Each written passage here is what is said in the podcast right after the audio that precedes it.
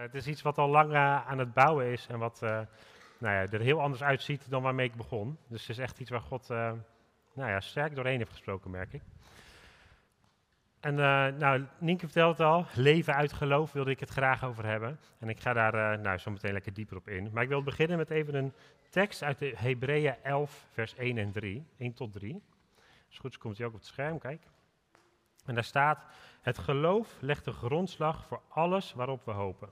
Het overtuigt ons van de waarheid van wat we niet zien. Om hun geloof werden de mensen uit vroeger tijden geprezen. Door geloof komen we tot het inzicht dat de wereld door het woord van God geordend is. Dat dus het zichtbare ontstaan is uit het niet zichtbare. Tot zover even Hebreeën. Het is een uh, prachtig hoofdstuk om te lezen, dus doe dat thuis zeker nog een keer. Maar in Hebreeën staat het woord, of staat geloof echt centraal. En worden er een aantal uh, nou, geloofshelden uit het Oude Testament worden naar voren gehaald. Er wordt verteld van ze stonden bekend om hun geloof. En ze worden nu nog herinnerd ook door hun geloof. En dat is iets moois. Af en toe heb ik wat, uh, wat extra hulp, wat support bij me. Dus, uh. maar dat is mooi om dat te lezen. Van, hey, ze, hun nalatenschap is daar omdat ze geloof hadden in God.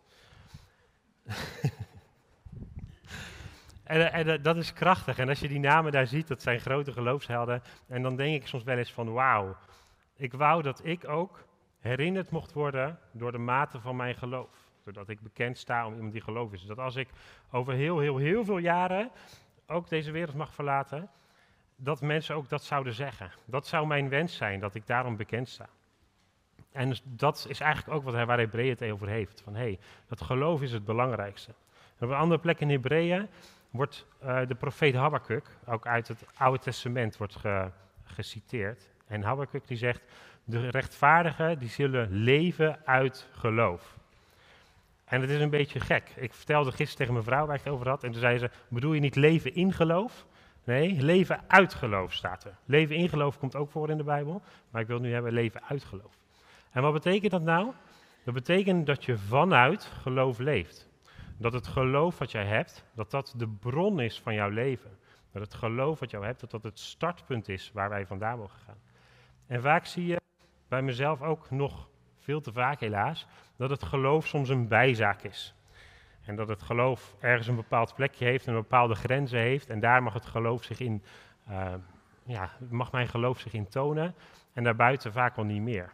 Terwijl eigenlijk zou het andersom moeten zijn. Zou alles van geloof moeten zijn. En vanuit geloof mogen wij daarin uh, lopen. We mogen doordrenkt zijn van geloof. En door dat geloof mogen wij leven, mogen wij vreugde ervaren, mogen wij waarheid ervaren. En mogen wij gewoon in de realiteit leven. En zoals Hebreeën het ook zegt, mogen wij dingen die niet zichtbaar zijn, zichtbaar maken. Ik wou dat wat praktischer maken en daarmee ga ik met jullie uh, naar nummer 13. Dus we gaan weer heel veel wat hoofdstukken terug. Helemaal naar het begin van de Bijbel. Daar heb je het uh, boek Nummerie. En in Numeri, dat, daar gaat het erover dat het volk van Israël is op dat moment ontsnapt uit Egypte. En die zijn door de woestijn gereisd en die zijn bijna in het beloofde land. En ze staan nou, een stukje er nog van af. Nou, op dat moment geeft God um, een opdracht. En dat staat in nummer 13, vers 2, dus die mag ook op het scherm komen. En er staat, stuur er een aantal mannen op uit om Canaan, het land dat ik de Israëlieten zou geven, te verkennen. Kies daartoe uit elke stam één man, een familiehoofd. Mozes deed wat de Heer gebood en stuurde er vanuit de woestijn van Paran mannen op uit, die allen tot de leiders van, Israël, van de Israëlieten behoorden. En dan gaat vers 4 gaat verder, en dat laat ik niet daar tonen, maar daar staat nog verder, en dit zijn hun namen. En er staat Samua, Safat, Caleb, Jigal, Hosea, die later Jozua genoemd wordt, Palti, Gadiel, Gadi, Amiel, Setur, Nachbi en Geuel. Even goed onthouden. Als we deze versen als startpunt nemen, dan haal ik daar al een paar dingen uit. Ongeacht wat er hierna allemaal gebeurt, dan kunnen wij in vers 2 al lezen dat God zegt: Stuur ze erop uit naar het land dat ik ze zal geven. De Bijbel is niet zo'n spannend boek meestal. Want meestal vertelt God aan het begin al wat er aan het eind gaat gebeuren. Als je houdt van spannende thrillers, spannende romans, dan is de Bijbel niet altijd de beste optie. Want meestal heeft God al lang beloofd dat hij het uiteindelijk zal doen. Alleen snappen wij als mensen dat vaak nog niet. En God zegt hier al: Ik ga dat land aan jullie geven. Maar dat gaat helaas niet zonder slag of stoot. En de mensen moeten ook een geloof daarin laten zien. Van hé, hey, God heeft het gezegd. Nu moeten we, mogen wij dat ook geloven. Dat is een van de startpunten van dit verhaal. Het tweede startpunt is dat ik net al die leiders heb opgenoemd. Dus twaalf leiders die dat land mochten gaan verkennen. Nou, ik weet niet of iemand van jullie een familielid heeft, of een vriend, of een, nou, iemand kent die uh, Gadiel heet. Mag zijn hand opsteken, maar ja, nou daar toch toevallig eentje. Of, uh, nou, er zijn er nog meer, Gigal, of Nachbi, of Geual. Dat zijn allemaal namen die ons amper bekend voorkomen. En ik denk dat de meeste, nou nu zal je het weer even herinneren, maar dat je de naam ook snel alweer vergeten bent. Behalve Caleb en Jozua. Wij kennen allemaal Caleb en Jozua. En wij kennen ook allemaal mensen om ons heen die die naam hebben. En waarom? Dat zie je zo meteen in het verhaal. Je ziet eigenlijk hier al hoe het verhaal gaat aflopen. Maar twee van de twaalf mannen kunnen wij nu nog herinneren. En die andere tien kent eigenlijk niemand meer. En dan komt er hun geloof. Ze gingen er namelijk op uit en veertig dagen later kwamen ze terug en kwamen ze weer bij Mozes terecht. En ze vertelden wat ze daar gezien hadden. En het vers 25 gaat dan als volgt verder. Er staat, nadat ze het land veertig dagen lang verkend hadden, keerden ze terug naar Kades in de woestijn van Paran, naar Mozes, Aaron en de andere Israëlieten. Ze brachten aan het hele volk verslag uit en lieten de vruchten van het land zien. We zijn in het land geweest waar u ons naartoe hebt gestuurd, vertelde ze aan Mozes. Werkelijk, het vloeit er over van melk en honing en deze vruchten groeien er. Tot zover heel even.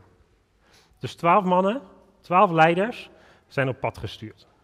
Zijn geroepen om dat land te gaan verkennen. En ze komen terug met een verslag dat het prachtig is. Het is gewoon een tropisch oord waar ze naartoe mogen, waar de druiven zo groot zijn dat ze het met een stok moeten ze de druiventrossen meenemen. Het overstroomt van melk en honing. Het is prachtig. Het is alles wat God beloofd had. Dat is wat ze allemaal gezien hadden. Twaalf leiders zagen precies hetzelfde. En zo zijn wij ook vandaag, zijn we allemaal leiders. En misschien zeggen we, wel, ik ben helemaal geen leider, ik leef in mijn eentje en ik geef helemaal geen leiding. Iedereen hier is een leiding. Ten eerste geef je altijd leiding aan jezelf. Want je moet jezelf je eigen leven moet jij op orde krijgen en daar ben je zelf verantwoordelijk voor. Je moet zelf leiding geven. Maar je geeft ook leiding aan je, vriend, aan je, aan je gezin. Je geeft leiding aan mensen op je werk. Je geeft leiding aan mensen hier in deze wereld. Wij de Heer Jezus, die heeft ons bepaalde dingen laten zien. En we mogen dat doordragen naar mensen in deze wereld om ons heen. En hun naar God leiden. Wij zijn allemaal leiders. En op die manier heeft God ons ook bepaalde opdrachten gegeven. De Bijbel zegt heel duidelijk dat wij allemaal geroepen zijn Jullie zijn allemaal leiders die geroepen zijn. En jullie gaan allemaal naar bepaalde plekken toe, waar God dingen laat zien, waar de wereld dingen laat zien. Maar de vraag is, als je dan weer terugkomt, waar vertel jij over? En waar vandaan ga jij dingen doen? Want als je al snel verder leest, ook in het verhaal, dan zie je dat er twee partijen ontstaan.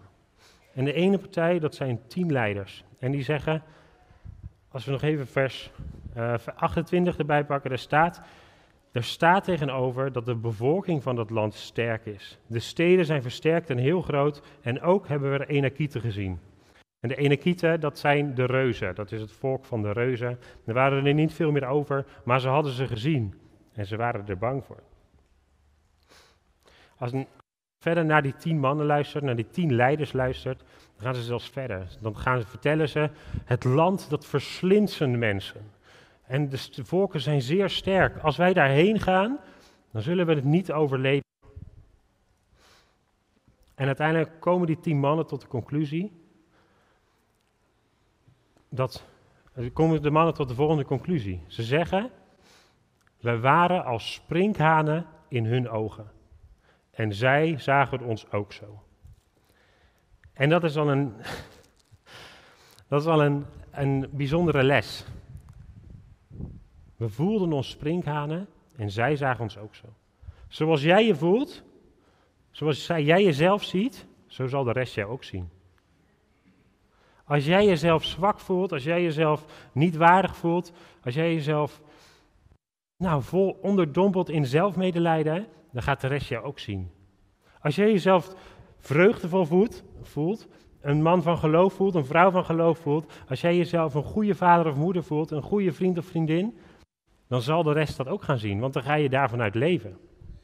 En dat is al wat, wat je hier ziet. Ze voelden zich als sprinkhanen en ze keken op naar die grote reuzen waar ze niet tegenop kunnen. En er kwam onrust. Maar Caleb en Jozua waren het er niet mee eens. En die vertelden, nee, dit is niet wat God voor plan, van plan was. Hij zou ons dat land geven. En er staat ook, als je vers 30 bekijkt, Caleb die wilde voorkomen dat het volk zich tegen Mozes zou verzetten, zei, we kunnen zonder problemen optrekken en het land in bezit nemen. We kunnen dat volk makkelijk aan. En als we dan nog ietsje verder kijken, nummer 14, nummer 14 vers 6, daar staat, Jozua en Caleb, twee van degenen die het land verkend hadden, scheurden hun kleren. Want de mensen, het volk van Israël, was van plan ze te stenigen. Door wat zij hadden gezien en wat zij vertelden van nee, we moeten wel aanvallen, we moeten daar wel heen, wilden ze hen gaan stenigen. En ze stonden gewoon op het puntje van de dood, op de rand van de dood, omdat ze zo gehaat werden door wat hun geloof daar had gezien. Want ze zagen de belofte van God daar. En ze zagen ook die reuzen, maar ze zeiden, nee, die kunnen we makkelijk verslaan. Vers 7 gaat ook verder. Het land dat wij op onze verkenningstocht doorkruist hebben, is een buitengewoon goed land. Een land dat overvloeit van melk en honing. Als de Heer ons goedgezind is, zal Hij ons erheen brengen en het ons geven. Maar verzet u dan niet tegen de Heer en wees niet bang voor de vervolging van het land. Die vermorzelen we met gemak. Zij hebben niemand die hun beschermt en wij worden bijgestaan door de Heer. Wees dus niet bang voor hen. Dus Jozua en Caleb zeggen wees niet bang. God heeft het al lang beloofd. Laten we in geloof dat doen. Laten we in geloof God volgen en zijn, zijn woorden vasthouden. En dat is het geloof waar ze om geprezen worden. Het zinnetje wat er staat, die vermorzelen we met gemak. Als je daar kijkt wat er werkelijk staat, de NBV vertaalt het, nou ja, redelijk um, nou, anders dan wat er eigenlijk staat. En de meeste vertalingen hebben het wel goed, maar er staat, ze zullen ons dagelijks brood zijn. Ze zullen ons dagelijks brood zijn. Die vijanden, die reuzen, zullen ons dagelijks brood zijn. Ken je Matthäus nog? Heer, geef ons ons dagelijks brood. Dat is een iets andere betekenis meteen geworden. Heer, geef ons de mogelijkheid om geloof te hebben, zegt ze eigenlijk. Heer, geef ons de ruimte om te, om, of geef ons de mogelijkheid om u ruimte te geven. Geef ons problemen die wij niet al kunnen oplossen, zodat we uw grootheid kunnen zien. En soms hebben we het zo makkelijk dat we het geen eens meer doorhebben dat we het makkelijk hebben. Want we hebben bijna allemaal een, in ieder geval een redelijk gevulde spaarrekening. We hebben bepaalde inkomsten, bepaalde bronnen. We hebben mensen om ons heen. En soms voelt het dan alsof we God bijna geen eens meer nodig hebben. Alsof dat geloof bijna niet nodig is, want we voorzien wel voor onszelf. En soms is het dan ook goed dat, er, dat we op bepaalde momenten bewust zijn van, hé, hey, dit kan ik niet aan. God, ik heb u nodig. En dat we daar niet van wegrennen. Dat is een hele andere mindset. Dat je denkt, hé, hey, ik zie een probleem en ik zie het niet als een probleem, maar ik zie het als een kans voor God om zijn grootheid te laten zien. En daarin mogen wij wandelen en daarin mogen wij geloven. En de vraag is vandaag ook een beetje, we zijn allemaal geroepen naar een bepaalde plek en misschien weet je niet direct wat, maar dan is het gewoon je eigen omgeving of je eigen plek. En God heeft jou bepaalde beloftes gegeven. De Bijbel staat er vol mee. Maar de vraag is, wat houdt jou tegen om in die, dat beloofde land te gaan lopen? Om in die belofte gaan, te gaan lopen, om dat aan te nemen. Wat houdt jou tegen? Want dat zijn jouw reuzen. En dat zijn de dingen waar wij mee mogen afrekenen. Weet je wat interessant is? Ze zijn zo bang voor die enakieten, voor die reuzen. Meerdere keren worden ze genoemd. En ze zullen ons verslinden, hebben ze het over. Maar dat, het verhaal gaat hier verder straks. Dat ze nog 40 jaar in de woestijn moeten blijven. En dat ze daarna het beloofde land in mogen. In 40 jaar in de woestijn komen ze wel geteld één reus tegen. Dat is de koning van Och. En er wordt in twee zinnen verteld dat hij vermorzeld wordt met zijn hele leger. Als ze dan het beloofde land in gaan, geen enkele reus wordt over verteld. Geen één. Ze waren er zo bang voor. Die ene kieten zijn daar, maar er wordt geen één keer over verteld. Misschien moesten ze wel een paar vechten, dat weet ik niet. Maar er wordt niet over verteld. Het was blijkbaar niet de moeite waard om die veldslagen daarover te vermelden. De allereerste reus die ze tegenkwamen was 300 jaar later en die werd vermorzeld door een klein steentje. Soms kunnen wij onze problemen zo groot maken. En kunnen we alleen maar de negatieve kanten van zien en denken: dit gaat verkeerd, dit gaat niet goed, ik moet het maar niet doen. Terwijl in werkelijkheid stelt het niks voor. Is het geen de moeite waard om over te, te vertellen? En tuurlijk, sommige reuzen zijn reëel, maar God rekent af met hun. En wij mogen hun vermorzelen. En zo mag je ook in je dagelijks leven wandelen.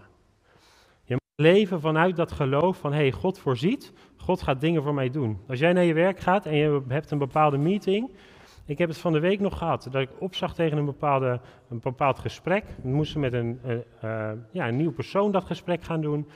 En uh, nou ja, het voelde een beetje, een beetje moeilijk.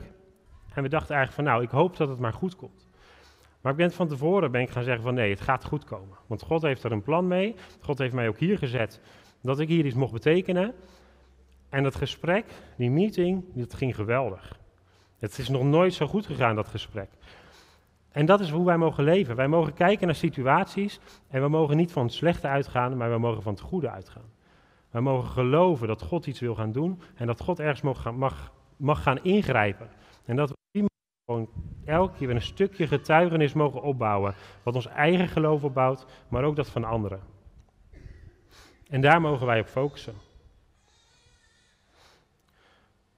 Dus de vraag is ook een beetje, wat voor geloof wil jij hebben? Zoals Caleb en Jozua, dat probleem ziet als je dagelijks brood, als iets dat je gewoon even mee afhandelt. Of zijn we soms ja, iets minder goed in ons geloof en verliezen we wel eens wat?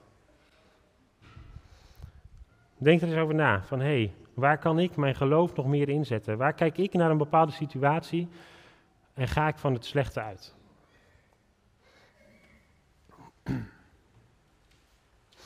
Ik wil jullie nog een stapje verder nemen en een bepaald verband. En toen ik dit verband zag, viel mijn mond werkelijk open.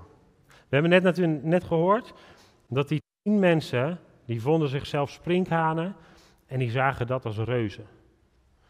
Zien we Jozef en Caleb, die draaien het om. Nee, zij zijn ons dagelijks brood en wij zijn de grootste.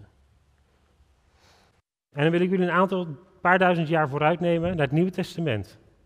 Naar een man die, die loopt door de woestijn. En hij roept, het koninkrijk van God is nabij. Dat wat God beloofd heeft, dat komt eraan. Waar al jaren over gesproken heeft, het komt eraan. En wat at hij? Sprinkhanen met honing. Het is zo'n profetisch beeld wat Johannes de Doper daar al deed. hey, wij zijn de reuzen, wij zijn de giganten, want God staat achter ons. En zij, onze problemen, alles wat er in deze wereld is, dat zijn sprinkhanen. En dat is ons dagelijks brood. En dat mogen wij eten, samen met honing, samen met die belofte van God, samen met dat wat Hij allemaal voor ons klaar heeft gelegd. En het is zoiets moois. En ik was zo verbaasd toen ik dat verband voor het eerst mocht horen. Ik dacht, wauw, dat is toch mooi. Ik werd er echt helemaal vol van, van dat, dat God zulke verbanden erin legt. Want ik, ik snapte nooit, waarom eet hij nou weer sprinkhanen met honing? Kan hij niet gewoon brood eten?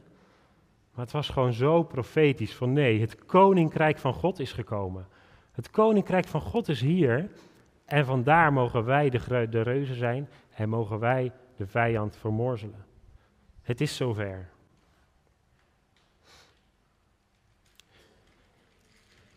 En dat is vanochtend ook wat ik gewoon aan jullie meegeven. Wees bewust van jouw positie. Zoals Goliath gedood werd met dat kleine steentje, zo zijn al onze problemen nooit te groot voor God.